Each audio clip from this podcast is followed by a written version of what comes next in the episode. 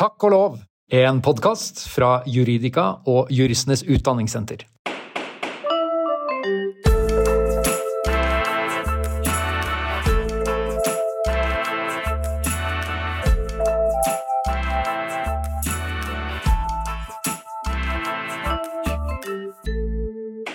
Hei og hjertelig velkommen, ikke bare til en ny episode av Takk og lov, men faktisk en helt ny sesong av denne podkasten for deg som lurer på hvordan jussen, og kanskje også juristene, egentlig henger sammen. Den jussen vi skal få lære litt mer om hvordan henger sammen i dag, den er svært dagsaktuell, men eh, litt vanskelig å få helt grep om, iallfall for meg, da. Um, så dette tenkte jeg at det må vi gjøre noe med. Uh, uh, for vi skal snakke om statsstøtte. Og det høres jo en, ut som en fin ting. Eh, staten gir oss noe penger på en eller annen måte. vi har hørt om strømstøtten. Vi skal høre litt om miljøtiltak. Og vi skal høre litt om boligstøtte, en aktuell sak som snart kommer fra Høyesterett. Og med oss til å snakke om alt dette, så har vi fått med oss ingen ringere enn Gjermund Mathisen. Velkommen hit. Takk. Veldig hyggelig å få være med. Det er veldig hyggelig å ha deg her også. Du er også nylig hjemkommet uh, etter mange år som statsstøttedirektør i ESA, så noe bedre treff kunne vi vel ikke få på gjest, tror jeg. Jeg skal gjøre mitt beste, i hvert fall. det kommer til å bli bra. Du har vært uh, der. Nå er du partner i Kvale advokatfirma. Det stemmer. Du har vært i Lovavdelingen. Uh, skal ikke ta hele CV-en din, men det vi må gjøre, for det er viktig i sånne podder som handler om særlig sånne vanskelige temaer, så må man jo menneskeliggjøre gjesten sin. Og det gjør vi jo med å starte med et lite artig faktum, eh, som er den norske oversettelsen vår av eh, fun fact. Og det artige faktum jeg har fått om deg, det har jeg aldri vært borti før. Huff da. Eh, stemmer det at du, eh, i tillegg til å være skarpskodd jurist, også er, eller kanskje har vært, handelsreisende i sædceller? Oi. Har jeg det? Har du Ikke dine, da, men, eh, men eh, er det noe du har drevet med som innbefatter salg, kjøp og salg av sædceller? Nei, jeg holdt på å si det håper jeg nesten ikke. Uh... det er veldig gøy. Da må jeg ta hele funfacten om igjen. Ja, nå, nå, nå, nå ble jeg veldig spent. Har ikke du drevet med hesteavl? Jo, eller det Ikke, ikke jeg selv, oh, men jeg er gift med en hestejente. Å oh, ja. Og det har også uh, Det er gøy. da, da, får man fort både hester og avl på, kjøpet. Eh, og, og, da skal det selvfølgelig kjøpes inn sæd. Da. Ja, da skal det kjøpes inn eh, hestesæd, så man kan uh, befrukte hoppen eh, og få avkom. Det, det, er noen forutsetninger der, har jeg inntrykk av? Det er noen ja. forutsetninger der. For det, det, er jo sånn at disse hestene, de avler man jo ikke på ved at man slipper dem inn i samme innhegning, og så lar oh, nei, det, det er ikke sånn romantisk? Nei, det er nei. ikke sånn det fungerer. Eh, I hvert fall ikke for de aller fleste hesteraser. Nei. Det er snarere sånn at man, man har en hoppe, og så kjøper man da sæd. Ja. Gjerne på internettet. Det, det er internettet, det også, ja. Det er, det er, utrolig hva man kan få der nå. Ja, ja. Det er jo der man kjøper alt, uh, inkludert sæd. Uh, og da, da, er jo sånn Det er jo en slags stor butikk da, som man kan uh, velge i. Og så, så, velger man hvilken avstem, avstamning man, uh, man, vil ha. Ja. Så da leter man etter sånne store, flotte hingster med de egenskapene man vil ha. Kanskje altså der er vi mer tilbake til menneskenaturen igjen? Ja, da er vi litt ja. tilbake til menneskenaturen. Og så prøver man å finne noe som passer bra ja. til den hoppen man har. Hvordan er det med sånne reklamasjonsregler og sånn der, da? Hvis du får Altså da tenker jeg sånn nå blir min hjerne sånn tegneserie, en sånn heving. Morsomt. Eh, oppreising. Morsomt. Eh, jeg vet ikke. Er det i det hele tatt reklamasjon i hestehandel? Eh. Nei, kanskje noen spør seg selv. Dette er veldig bra. Ok, vi får komme tilbake til om man eventuelt kan søke noe statsstøtte til uh, avl. Ja, det tror jeg at man kan. Altså. Det, det, kan man, ok. Ja, det tror jeg er mulig. veldig bra. Vi får gå over til ukens tema. Um, først bare uh, helt basic, hva er statsstøtte? Jeg skjønner at man får noe penger fra staten, men hvordan administreres dette her egentlig? Ja, noen, eh, noen får noe penger. Det, noen, det, det ligger i støtte. Ja. Uh, og i stat så ligger det at uh, støtten kommer fra staten. Det vil si, hvis vi snakker om statsstøtte i EØS-avtalens uh, forstand, så kan støtten komme fra en hvilken som helst del av det offentlige. Da snakker vi ikke bare om støtte fra den sentrale staten, men fra en hvilken som helst offentlig innretning. Så ofte så er det kommuner som gir støtte. Ja. Eller det er sånne etater som Innovasjon Norge eller Enova eller Forskningsrådet og mange andre. Så offentlig støtte pleier vi ofte å Ja. kalle det i Norge. Også litt for å skille det fra den støtten som kommuner får fra staten, f.eks. Ja, så det er offentlig støtte til enten borgere eller juridiske subjekter som ikke i seg selv er myndighetsutøvere. Ja, dette, er, dette er et veldig godt poeng. Eh, i, treffer, treffer veldig bra med en gang. Ramler rett inn i det.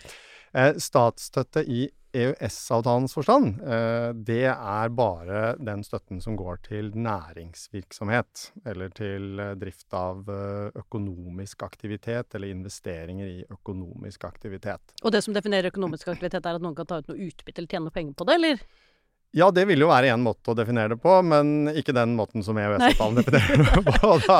Artig forsøk, eh, Prøv igjen. Ja, Ja. men eh, nesten. Ja. Eh, det er definert som kjøp eh, eller salg av varer eller tjenester på et marked. Om man tjener penger på det, og til syvende og sist dermed kan ta, med, ta ut utbytte, eller gå konkurs, det spiller ingen rolle. Nei, det, det som avgjør om det er økonomisk aktivitet, det er om man driver kjøp eller salg av varer eller tjenester på et marked. Ok, eh, da har jeg litt klarere for meg hva statsstøtte er. Um, og en av grunnene til at dette nå er aktuelt, det er jo disse strømprisene som har eh, økt noe voldsomt. Vi hadde Finn Arnesen her i fjor, var det vel, eh, som snakket om strømprisene, og vi var skjønt enige om at det var helt umulig å forstå hvorfor de egentlig ble så høye, men det er det jo iallfall blitt. Um, og i høst så kom det endelig litt hjelp da, til bedrifter som led mest under disse strømprisene, i form av en støtteordning. Um, men er det Hvor kurant er dette? For det er jo opp mot sånn EØS-type EU-regelverk at dette på en eller annen måte kanskje kan vri noe konkurranse eller blande seg inn i det frie markedet på en eller annen måte, som gjør at dette er komplisert. Er det der liksom problemene kommer inn? Ja, noen problemer kommer inn der. Ja. Og så kommer det inn noen andre problemer også. Og så må vi skille noen flere ting fra hverandre. Nå har vi jo akkurat snakket om hvordan statsstøtte i EØS-avtalens forstand bare dreier seg om statsstøtte til næringslivet, til næringsvirksomhet, og ikke til oss som forbrukere, f.eks. da. Ja. Og hvis vi da ser på det vi har fått av strømstøtte i Norge, så ser vi at det er ganske mange forskjellige ordninger som har blitt innført. Det er en ganske sånn stor bukett av ulike strømstøttetiltak. Ja, for vi får noe. Så vi, altså Ja. vi bare vanlige folk. Ja, det Det ser du jo på strømregningen, ikke sant? Ja. At du, har fått, du fikk strømstøtte denne måneden også. Ja, jeg, har ikke, jeg, jeg, har ikke turt å se på de regningene, Nei, så jeg bare nei. håper at det der går seg til på en eller annen måte. Det er kanskje mange som bare lukker eh, øynene, ja. ja. jeg, jeg kikker litt på regningene, men det er bare fordi jeg er veldig interessert i å se. Men du jobber jo med dette, Ja, ikke så det er jo rimelig. så jeg er litt sånn Hvordan nerdete kikking funker den sånn, når du som har sjekka dette på ordentlig? Hvordan er det det funker? Du får en regning som eh, ville vært eh, skyhøy, men så er den mindre fordi Ja, og så står det bare minus, så oh, ja. som så mange kroner i strømstøtte. Ja. Så det fungerer jo ganske sømløst, altså. Men den strømstøtten som du og jeg eh, får, som private forbrukere, er ikke statsstøtte i EØS-avtalens Fordi vi ikke driver med kjøp og salg av den strømmen. Nettopp. Ja. Vi er bare privatpersoner. Ja. Men til bedriftene, da? Hvor, hvem, hvordan funker det? Der er det, Jo. kommer det kanskje noen problemer inn. Da blir det jo veldig fort uh, statsstøtte. Uh, og du nevnte jo den ordningen som vi fikk uh, før jul, med tilskudd fra Enova. Både til å dekke de ekstra utgiftene og til å foreta investeringer da, i enøktiltak, egentlig. Sånn at også bedriftene kan få ned forbruket, for det er jo veldig viktig på lang sikt. Men i tillegg så er det jo satt opp strømstøtteordninger for kirker. Det er jo også viktig. Der må også lyset være på. Ja, det er rimelig. Ja, Det blir lys, liksom. ja, blir, det blir Ja. lite lys. ja, man har levende lys og sånn, da, men det er liksom ikke nok. Man må ha lys, og man må ha varme og osv. Eh, Merkur-butikker. eh, Hva er det for noe? Ja, det lurte jeg også på første gang jeg så det. Er, ikke, er det en planet? Ja, det er vel egentlig det. Og Men det er ikke den varianten, kanskje? Nei, det er ikke den varianten. Det er sånne små lokale butikker i mer grisgrendte strøk. Så de lokale, veldig små eh, dagligvarehandlene typisk i eh, bygder rundt omkring i Norge, det er såkalte Merkur-butikker. Hvor, hvor i all verden kommer den jeg vet du det? håpet du ikke skulle spørre Nei, nei, du, vi skulle trenger ikke gå videre på det. Jeg blir bare sittende og lure på sånn merkantil, Merkur Ja. Ja, nei, Nei, vi vet jeg ikke det. Vet ikke helt, men, men de har jo fått en egen ordning for, eh, for eh, strømstøtte, som da også er statsstøtte. Og så har vi jo fått egne ordninger for, for studenter. Vi har fått uh, egne ordninger for mottakere av sosialhjelp. Det er en egen ordning for idrettslag. Støtte-støtte, på en måte? Ja, støtte-støtte, Ja. rett og slett. Det, det kan jo trengs. Ja, det høres jo krevende Men hvordan eh, er det Fins det noe eh, system og orden i dette her, eller eh, er det bare 1000 forskjellige ordninger? Hva er reglene for dette, da? De er forskjellige fra ordning til ordning, og det er 1000 forskjellige ordninger. Ja, Så, det var, der klarte jeg den. er, der, der, det er der vi er. Ja, okay. Det er et eh, Jeg skal ikke si at det er kaos, det er det vel ikke. Nei. Men det er en stor bukett av forskjellige ordninger som skal favne ganske mange. Og dette syns uh, Brussel, som jo ellers fjernstyrer eh, hele staten vår, som jeg forstår, iallfall i enkelte kommentarfelt, det syns Brussel er greit. Ja, det gjør de. Ja. Eh, Men på litt ulike grunnlag. Okay. Noen av disse ordningene er jo da ikke statsstøtte i eh, EØS-avtalens forstand, ikke sant? Som f.eks. støtten til studenter, da. Ja, for det var støttestøtte på et vis. Ja, ikke Ja, sant? eller Ja. Eller til sosialhjelpsmottakere, for den saks skyld. Mm. Så det har Brussel bare ikke noe med. Det kan Norge bare gjøre. Ja. Mens den ordningen som du nevnte innledningsvis, som ble administrert av Enova før jul, den måtte jo da meldes, eller notifiseres som vi sier, til ESA, og så måtte den eh, godkjennes, ikke sant, eh, på, på forhånd. Ok, man må ha forhåndsgodkjennelse for å få disse ordningene som faktisk er statsstøtte, til å, eh, til å løpe? Det er det typiske systemet, Ja. at man må forhåndsgodkjenne. Og så er det jo selvfølgelig noen unntak, da. Det er jo Det er jo derfor vi lever! Jeg skulle til å si det. Det er jo det, det vi juristene lever av, det er jo unntakene. Ja. Hvis det bare hadde vært en regel, så hadde det jo ikke vært behov for oss. Så vi har selvfølgelig laget en masse unntak, også unntak fra unntakene osv. Vi, vi, vi har gjort en ganske god jobb i å opprettholde vår egen stand. Ja, Ja. vi, vi er flinke til, til det. Det skal vi ha. Det, vi Også- trenger ikke støtte til det. Vi trenger ikke støtte til det, i hvert fall. Og så har du jo noen andre ordninger som også faller utenfor EØS-avtalen, men av litt andre grunner. Det er jo en egen strømstøtteordning for veksthus og vanningslag, f.eks. Eh, ja vel? Ja. Men Det, er det ledd i det grønne skiftet? Nei, det er ikke ledd i det grønne skiftet. Det er et ledd i å holde grønt, det som allerede er eh, grønt. Ja, at uh, fravær av det brune skiftet. Ja, det kan du si. Ja, det, er helt, eh, det, det treffer veldig bra. okay.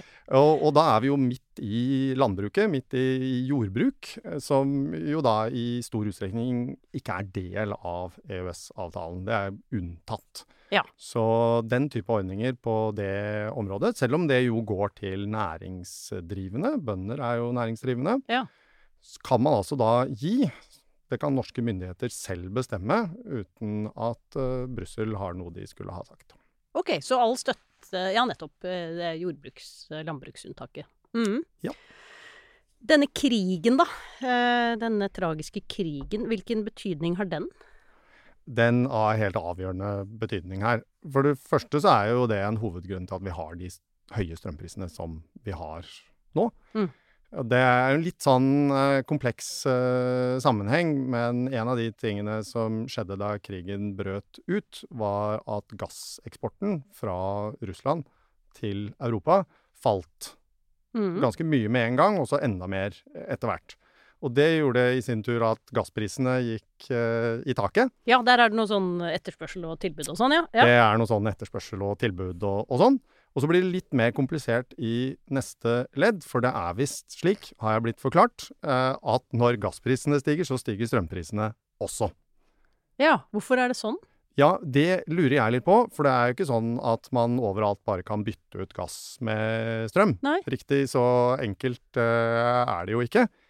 Uh, så Men det er likevel ja, en slags naturlov? Ja, det virker nesten sånn. Som at det er sånn markedene fungerer. Når gassprisen går i taket, så følger strømprisen etter. Ok. Og det skjedde jo da, etter krigsutbruddet. Ja. Uh, Og da fikk vi disse ekstraordinært høye prisene.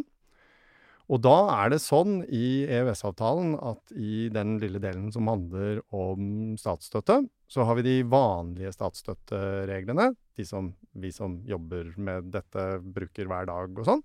Og så har vi de ekstraordinære statsstøttereglene, de som er for sånn oh ja. kriser. Har dere kriseregler? Ja, Ja, for det er sånn vi mangler her i landet, eller bortsett fra kanskje den uh, smittevernloven, da, så har vi noen. Ja. Skjønner. Men i EØS-avtalen så er det altså egne statsstøtteregler for kriser og katastrofer. Så dette har man tatt høyde for. Dette har man tatt høyde for på forhånd. Så i vanlige tider, når det ikke er krig eller pandemi f.eks., det var en annen krise vi nettopp har vært eh, igjennom, så kan man ikke gjøre som man gjør nå, og gi bedriftene penger til å dekke en del av strømforbruket deres. Altså betale bedriftenes driftskostnader, da, på den måten. Det er i utgangspunktet forbudt etter statsstøtteregelverket. Mm. Men så kommer det en krise som gjør at man får en helt spesiell økonomisk eh, situasjon. Man, den krigen, den krisen, utløser en økonomisk krise, og da slår disse krise- og katastrofehjemlene inn. Og så blir det større rom for å gi eh, statsstøtte i den perioden den økonomiske krisen vedvarer, da. Er dette noe da alle land benytter seg av nå? Eller mange land? Veldig mange land benytter seg av dette i Europa. Jeg tror nok alle benytter seg av dette, men det varierer jo veldig i hvor stor grad de benytter seg av det. Ja, fordi eh, det er jo litt ulikt hvor mye penger de har, de statene, kanskje? Det er en hovedfaktor her. Så, så vi ser jo at de som har veldig mye penger å bruke, de bruker mye penger. Og de som ikke har penger, de, de Det er så deilig med sånne ting som jeg egentlig forstår. Ja, ikke sant? Så det er jo veldig, du kan se på, kan se på kartet, eh, så vil du se at eh, Tyskland eh, bruker veldig mye penger på Mm. denne typen støtte, og brukte veldig mye penger på denne typen støtte gjennom pandemien, og nå gjennom den krisen vi er i nå, som er forårsaket av eh, krigen. Mens hvis du går lenger sør og øst i Europa, til si Bulgaria og Romania, for bare å nevne to, så vil du se at de bruker betraktelig mindre penger på dette. Så er det noe med tradisjon og politisk ideologi å gjøre, og den type ting Ja, hvor sterk også. staten er, på en Ja, måte. Ja. Og i Tyskland så har man jo også en tradisjon for at uh, staten griper mye inn i markedene, altså er aktiv og, og støtter på denne måten. Mm. Mens hvis man kommer til Nederland, så er det en tradisjon for en stat som er litt mer tilbaketrukket og ikke bruker så mye penger på f.eks. statsstøtte. Da. Så man ser forskjeller mellom rike land også, av eh, historie, tradisjon, ideologi eh, i det politiske livet. Ok, eh, jeg ante jo ikke dette om at det var sånne hva skal vi si, kriseregler i dette regelverket heller, ja, men eh, det, det er jo veldig interessant. Men sånn når man er utenfor krise og krig, da, eh, kan vi gi noe statsstøtte da også? Ja, det kan vi. Og det er ganske Og det gjør vi kanskje? og, og det gjør vi. Eh, vel, mye. Det er vel en, den veldig korte Og det er, men det er Norge? Det, det er Norge. Vi, vi, vi kan jo si litt om hvor mye statsstøtte Norge egentlig bruker, da. Ja. Eh, for de av oss som er litt glad i tall også. Det er så fint at du Eh, tar den. ja. Eh, jeg er litt glad i tall i tillegg til, uh, til juss, så nå har jeg gledet meg litt over at vi nettopp fikk 2020-tallene for hvor mye penger Norge har brukt på statsstøtte. Ok, hvor mye er det? 61,5 milliard kroner, nesten, brukte Norge i 2020 på statsstøtte under EØS-reglene. Hvis vi skal sammenligne, så er det omtrent like mye som Norge det samme året brukte på forsvar. Ja, så okay. det er et forsvarsbudsjett, da. Det er jo ikke Det er jo en størrelse på Det er vel også seks sånne Fosen Ja, det kan, Anlegg, kanskje? Det, det kan, Eller ti er det vel? Ti tror jeg det må være. eh, blir fort ti, ja. Nei, så det, vi, i, I 2020 så brukte norske myndigheter da et forsvarsbudsjett på å støtte næringslivet gjennom eh, statsstøtte i Norge, eller sånn nesten to ganger et eh, bistandsbudsjett. Ok, dette høres jo ut som vanvittig mye penger. Ja, det er mye penger. Ja. Selv min, mitt hode så går de tallene opp i en sånn Ja, Ja. eh, hva, er det, hva er det vi bruker dem på? Ja, man skulle jo kanskje tro da at akkurat i 2020, som jo var første året av Ja, pandemien, pandemien, og hvor mm. det kom veldig store støtteordninger, så skulle man kanskje tro at den største potten var nettopp krisestøtte, pandemistøtte. Eh, men det var det ikke. Det var miljø. Miljøstøtte. Støtte til miljøtiltak og energieffektivisering i næringslivet, som eh, tok opp ca. en tredjedel av eh, det totale støttebeløpet. Så selv i krisetider så bruker da staten og det offentlige mer penger på å sikre det grønne skiftet enn på krisestøtte. Det er jo ganske voldsomt mye penger. Men er det spesielt for 2020, eller er, det, er 2020 sånn normalår, bortsett, hvis du bare ser bort fra eh, krisen? Altså Hvis du ser bort fra krisen, så eh, føyer 2020 seg inn i en, sånn, en trend eller en utvikling hvor norske myndigheter, på samme måte som veldig mange andre land i Europa, bruker mer og mer penger nettopp på å støtte miljøtiltak i næringslivet, og ganske særlig energieffektivisering. Så dette følger eh, en sånn trendlinje oppover. Og det kan jo ha vist seg å ha en, en da ikke så dum effekt, også for de som er mer skeptiske til å bruke så mye penger på grønne skifter. For det, energieffektivisering, det høres jo lurt ut i en tid med veldig høye strømpriser òg. Ja, energieffektivisering er lurt Det er- det er bra uansett, er det ikke det? Det er, det er alltid bra. Ja. Og så er jo da problemet for, for næringslivet er at uh, energieffektivisering det lønner seg på lang sikt, i hvert fall for samfunnet. Men det lønner seg ikke nødvendigvis for den enkelte bedriften på kort sikt. Så med mindre staten stiller opp med støtte Ja. til disse prosjektene, så vil bedriftene enten ikke gjennomføre disse prosjektene selv i det hele tatt, de er ikke bedriftsøkonomisk lønnsomme, i hvert fall ikke på kortere sikt, eller de vil gjennomføre disse prosjektene på et senere tidspunkt. De vil vente Ja. og utsette, men den tiden har vi jo ikke, ikke sant? Nei, for det var jo noe av poenget der, ja. Ja, planeten koker, så vi kan ikke vente på at disse tiltakene for energieffektivisering eh, gjennomføres. De må gjennomføres nå. De må gjennomføres i en enda raskere takt enn det vi har klart eh, til nå. Ganske mye raskere om vi skal klare eh, målene etter eh, Parisavtalen. Er dette en type statsstøtte som eh, Altså, er det sånn at statsstøttereglene eh, har noen forutsetninger om hva slags formål støtten går til? Ja og nei. Her, vi er jurister her også. Ja, få høre. Ja, det klassiske juridiske svaret er vel 'det kommer an på'. Er det ikke, det er ikke det som svarer Jo, på men ja og nei er vel omtrent ja. på alt. Ja. I, sånn, det, det strenge juridiske utgangspunktet er at uh, statene kan velge å støtte en hvilken som helst næringsvirksomhet hvis det ikke har en uforholdsmessig negativ virkning på handel og konkurranse Mm. i EØS. Ja. Men det er ikke så mye av den typen støtte som gis lenger. Det var vanlig for 30 og 40 år siden. Men i, i dag er det ikke sånn at statene går inn og Hvorfor prøver ikke? å plukke er vinnere på den måten. Jeg tror kanskje mange stater har lært at det, Det funker ikke så bra på sikt. Nei, det funker ikke så bra på sikt. Altså, det, det offentlige og politisk styrte organer er ikke de beste til å plukke vinnere i markeder for, for fremtiden. Det er ikke en, en oppgave som, som staten burde utøve. Men der hvor man velger å gi støtte da ikke til næringsvirksomheten som sådan, men til denne næringsvirksomhetens investeringer i det grønne skiftet, så åpner statsstøtteregelverket for at det kan gjøres på en mer si, romslig måte. Da, da er kriteriene litt eh, åpnere, Ja. og så kan man gi mye mer støtte nettopp for å insentivere at disse investeringene tas, og at de tas nå i stedet for om ti år, f.eks. Og på samme måte så har du noen andre områder som det også litt enklere kan gis eh, støtte til. Regioner eh, som er langt fra store sentra, f.eks. Og vi har jo ganske mange av dem i Norge. Det er nesten Ja, hele Norge, Det egentlig. er vel, Norge er vel en eneste stor periferi? Ja, Ja. absolutt.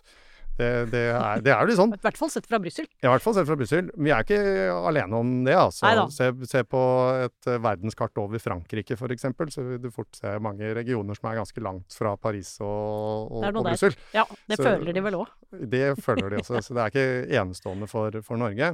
Men det å kunne støtte regionene sånn at man eh, opprettholder ja, lys i husene og liv og, Og liv og, og røre. Eh, Liv og røre også, også der, det kan man gi ganske mye penger til. Og generelt sett forskning, utvikling, eh, innovasjon, selv om det ikke nødvendigvis står i direkte sammenheng med det grønne skiftet. Så, men er det sånn, kan vi redde verden med statsstøtte? Vi kan vel ikke redde verden med statsstøtte, men eh, spørsmålet er om vi klarer å redde verden uten statsstøtte. Ja. Og det er jo nettopp eh, tilbake til det at vi må få opp investeringstakten i det grønne skiftet. Vi må ta mange store investeringer, og vi må ta de investeringene som samfunn mye raskere enn det de enkelte bedriftene er villige til å gjøre. Og for at vi skal få til det, så må vi insentivere det på et vis, da. Og det er vel ingen som har kommet opp med noen eh, bedre insentiver enn penger. Nei. Um, nei, det høres riktig ut. Ja. Du, vi må, uh, vi må, få høre litt om denne, denne saken som uh, står for Høyesterett. Den handler også om en eller annen form for statsstøtte. Kan du bare kort uh, forklare hva den går ut på, og hvorfor den gjør det? Ja, da er vi litt mer i det, i det nære og det kjære. Det liker vi. Nå har vi vært i periferien, nå er vi hjemme. Ja, nå er vi veldig hjemme. Nå er vi midt i, midt i hovedstaden. Eh, og så kan vi ta et raskt sveip tilbake til Tøyen-forliket. Hva gikk det ut på? Jo, det, da ble man jo enige om at Tøyen skulle få et skikkelig løft ja. som, som, bydel. Det skulle investeres i, i Ikke Tøyen. et møllaløft, men et Tøyenløft. Et Tøyenløft, Ja. rett og slett. Det skulle bli finere og flottere og et bedre sted å være på alle mulige måter. Og for å gi rom til det, så skulle man ta noen av de kommunale boligene i den bydelen. Og så skulle man bruke dem til noe annet, eller den eiendomsmassen til noe annet. Og så skulle man i stedet for da skaffe kommunale boliger på vestkanten. F.eks. i bydel Frogner, hvor det ikke var så mange kommunale boliger fra før. Nettopp.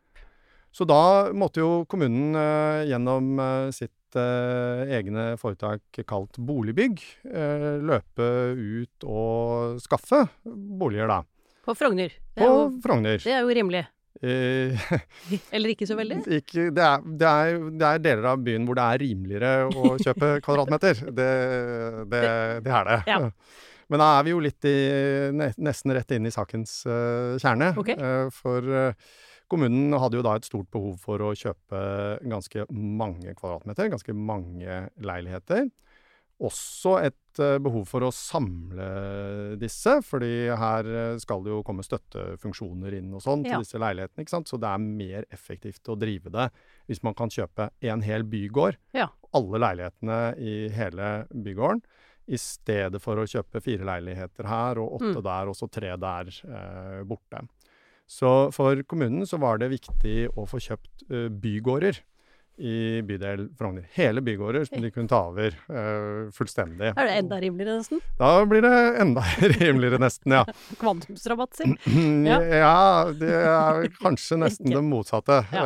Ehm, og så var det sånn at dette, dette gikk jo kommunen i gang med. Det skulle ha korte tidsfrister og alt mulig, så Mm. dette måtte, måtte skje raskt. Så enda litt ekstra Penger der, press inn i, og penger inn i denne, denne prosessen.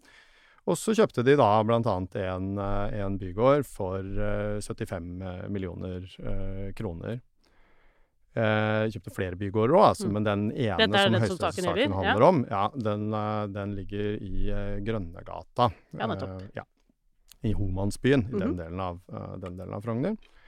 Er det hvor stortingsrepresentantene bor også, ikke? Ja, det er ikke så langt unna, i hvert fall. Så eh, betaler da kommunen 75 millioner kroner, men litt senere så, litt enkelt forklart, snur kommunen seg rundt og sier da til selger at ja, vi betalte 75, men nå vil vi ha igjen 17. Eh, ok, hvilket kontraktsmessig grunnlag var det på?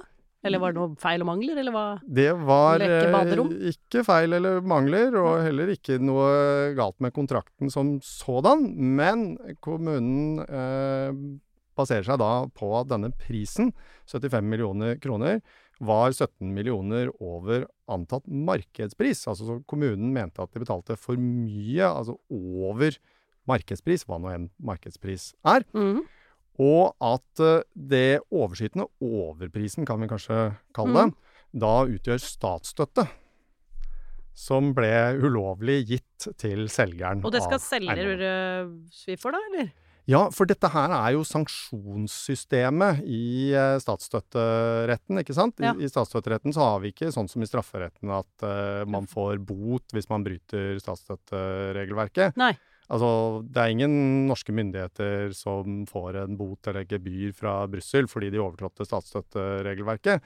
De får bare et pålegg om å sørge for at det som da ble betalt ut av ulovlig statsstøtte, Det tilbake. kreves tilbake. Ja. Ikke sant? Så her Det mener høres ut som en ganske lukrativ ordning å kjøpe opp privat eiendom på dette.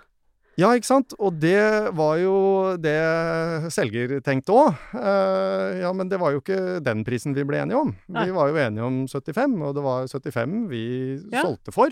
Det er ikke snakk om at vi skal gi 17 eh, tilbake. Det var det ikke noen avtale Nei. om. Mens kommunens synspunkt da er altså jo jo, men de 17 var ulovlig statsstøtte, så de må vi kreve tilbake. Ja. Og da Og hvor, hvordan har dette gått i de lavere instanser, da? Ja, for det er jo der man ender, ikke sant? Da Ja. ender man jo selvfølgelig i, i domstolene. Ja. Uh, særlig. Det er jo, hvis man først skal bruke penger, så kan man jo like gjerne bruke dem der, si. Ikke sant? Eh, jo da, her har da eh, selger, Grønnegata, eh, vunnet i de to lavere instansene. Eh, både i, i tingretten og i lagmannsretten. Og etter hvert så har da kravet, altså kommunens krav, blitt noe mindre. Det har gått fra 17 til 13 til 8 millioner eh, underveis. Det er er mer lovlig statsstøtte nå. Eh, ja, det, det kan du si, men, men den delen av prisen som ikke er en såkalt overpris, den er jo da ikke statsstøtte i det hele tatt. Nei, så det er bare eh, Det er jo bare overprisen som eventuelt er statsstøtte. Og det, nå er man da etter lagmannsrettsbehandlingen enige om at hvis det er gitt statsstøtte her, Ja. det er selvfølgelig selger helt Uenig, eh, i, så eh, beløper eh, den seg da etter kommunens oppfatning til ca. 8 millioner eh, kroner. Når er det den dommen kommer, eller har den vært prosedert, eller? Den har ikke vært eh, prosedert ennå. Den skal opp eh, til ankeforhandling muntlig i Høyesterett ikke lenge etter påske. Ok, dette blir spennende å følge, da. Ja, det er en, en spennende sak. Er det, Fins det parallelle saker fra andre land? Nei, det har vist seg eh, Vi har ikke klart å finne. og Det høres jo ut som en ganske fin ordning for eh, stater og kommuner å tilegne seg masse tid. Ja, ikke sant? Vil, vil ikke være det? Jo. Så kan, kan gå inn i Gå inn og si ja, du, du, du selger for 50 millioner, jeg tilbyr 100. Ja, ikke Ja, sant? Og så får jeg, jeg Jeg vet at jeg får tilbake de 50 etterpå, men eh, Eh, Ikke sant? Eller hvis du har en selger som er uvillig til å, til å selge da. Du kjøper opp Mm. en familiebedrift eller hva det skal være for noe, og så sier eieren at nei, denne bedriften er ikke til salgs, det betyr for mye for oss. Men så kan man komme med bud på 100 millioner, da. Ja. Ok, og alt har sin pris, Ja. ikke sant? Og skal det da være sånn at man kan snu seg rundt etterpå og få halvparten eh, tilbake? Det er en del av eh, spørsmålsstillingen her. Men akkurat denne typen sak er det veldig vanskelig å se at har oppstått eh, andre steder. Det som oppstår veldig ofte, er den, er den motsatte situasjonen, hvor kommunen selger eiendom til private, ja. og og selger den for, For billig. billig. Det skjønner jeg. Ikke Ja. sant? Og det er jo da en, egentlig en ganske sånn klassisk Men det høres jo mer eh, ut som en Da kan det jo fort være intensjonelt eh, nesten òg, da. Det er mange ganger vi har sett at det antagelig eh, Mhm. er det. Ja. Eh, Litt sånn uh, det selges billig til fetteren til eh, ordføreren. eh, Ja, det var helt en- tilfeldig at det var akkurat han, helt, selvfølgelig. Men, eh, eh, helt tilfeldig. Det er som han som utvikler næringseiendom i kommunen. Ja, men du, det er veldig bra, Gjermund. Da skjønner jeg litt mer av dette her. Og ikke minst den høyesterettssaken, som jo blir veldig spennende å følge. Look to Norway, som da resten av uh, statsstøttemiljøet kan si. Ja, dette tror jeg er en, en sak som uh, har interesse også utenfor Norges eh, grenser, som jeg er ganske sikker på at vil bli lagt merke til i, i Brussel og andre steder i Europa. Det liker vi jo. Det liker vi. Det er spennende for oss eh, som driver i faget. i Ja, det er klart. Det er veldig bra. Du, vi må runde av eh, Vi pleier å spørre gjesten vår om eh, han eller hun har en eller annen liten historie som de mener at våre lyttere burde ha hørt. Har du en eh, anekdote vi burde ha hørt? Ja, jeg, jeg vet ikke om lytterne burde ha hørt den, Men nå får de den uansett. men nå får de den uansett. Det er jo altså Det er, eh, det er, det er morsomt å jobbe med juss bare som juss, men, men eh, noen ganger så er det enda mer lærerikt, i hvert fall, når man møter den virkelige verden. Ja, ikke bare på kartet, nei, men ute i terrenget. Ikke bare på kartet, men ute i terrenget. Og ikke veldig lenge etter at jeg begynte i ESA i, eh, i Brussel, EFTAs overvåkingsorgan, så fikk jeg et sånt oppdrag og en sånn opplevelse.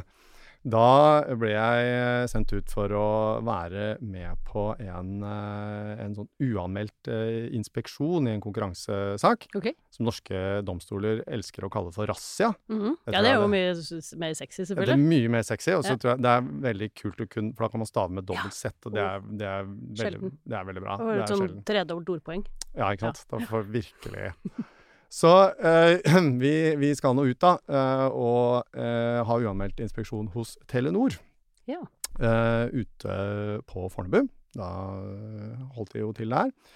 Eh, det gjør de for så vidt fremdeles. Men vi kommer ut eh, Dette er midt i desember, så det er jo fryktelig kaldt. Vi står der ute og, og hutrer. Mm. Er, vi, man begynner jo alltid om morgenen, ikke sant? Ja, Dawn Ride. eller- Ja, sant? ja, det er ikke helt Neida, dawn, Jeg altså. skjønner det. Jeg, jeg skjønner ikke hvor det uttrykket kommer fra. For Nei. man venter til folk har kommet på kontoret. Ja. Så det typiske tidspunktet er klokken ni. Okay. Men likevel, midt i desember, uh, ute på Fornebu Det er eh, mørkt, det er kaldt. Det er mørkt, og det er kaldt, og, litt surt, og, og alt det der. Og så skal vi deles inn i, eh, i to grupper. Jeg skal lede den, den ene. Fordi vi skal inn både hos Telenor ASA og Telenor AS samtidig. Så er det jeg som da skal lede den gruppen som skal inn hos Telenor ASA. Så vi kommer oss inn, og alt dette her, eh, det, det går fint. Og her eh, kommer eh, advokatene til selskapet også. Vi setter oss da sammen med den som da var sjef for, eh, for Telenor, Jon Fredrik Baksås. Uh, og man kan virkelig se at der, der går taksameteret. det er en del partnertimer som går med i det, i det møtet. Ja. Eh, og så skal man skal lese opp beslutningen, og det er jo litt sånn ah, alvorlig, men det er klart man prøver jo å være høflig og vennlig og profesjonell på, Mhm. på alle mulige måter. Og jeg, jeg følte jo liksom at jeg fikk det til, da, egentlig. Ja. Eh, Du var en grei kar, tross alt. jeg- jeg prøvde i hvert fall Ja. mitt, eh, mitt beste eh, for, for å være det. Så da vi vel var, eh, var ferdige og hadde fått eh, informert om hva som eh, skjedde her, og vi, vi skulle gå i gang, så, så reiser vi oss alle sammen. Så strekker jeg ut uh, hånden til, uh, til Baksås, og så sier jeg ja, det var, var hyggelig å møte deg. Ser han meg inn i øynene uten et snev av ironi, så sier han nei, det var det ikke. Det, akkurat der og da så, så, så stakk det litt. Ja. Uh, men så liksom, prøver man å, å glatte over det og, og, og gå videre. Men etterpå så har jeg jo egentlig vært veldig glad for den realitetsorienteringen Ja, som han ga meg. Det er ikke noe lek, dette. Nei, det er jo ingen lek. Eh, etterforskningen tok åtte år, og før vi var ferdig i domstolen, så hadde det gått eh, ti. Og det hele endte da ikke bare med fryktelig mange advokattimer, men også med 1,2 milliarder kroner i bot for selskapet. Så jeg, jeg skjønner jo at nei, det var ikke hyggelig å møte meg. Og da, i ettertid, så har jeg altså egentlig satt pris på den realitetsorienteringen. Ja, det er jo eh, i lys av en del hva skal vi si, politisk retorikk, så kan man jo glede seg over den graden av ærlighet. Ja, det er forfriskende og rett på sak, og det skal man ikke undervurdere. Det skal man sette pris på. Det er veldig bra. Tusen takk skal du ha, eh, Gjermund Mathisen, for at du var med og opplyste oss eh, ikke bare om eh, møtet mellom kart og terreng og betydningen av ærlighet, men også statsstøttens eh, irrganger. Det var veldig lærerikt. Eh, og til dere lyttere så må jeg bare si takk for at dere fulgte med oss, og hjertelig velkommen tilbake i neste uke til nok en episode av Takk og lov.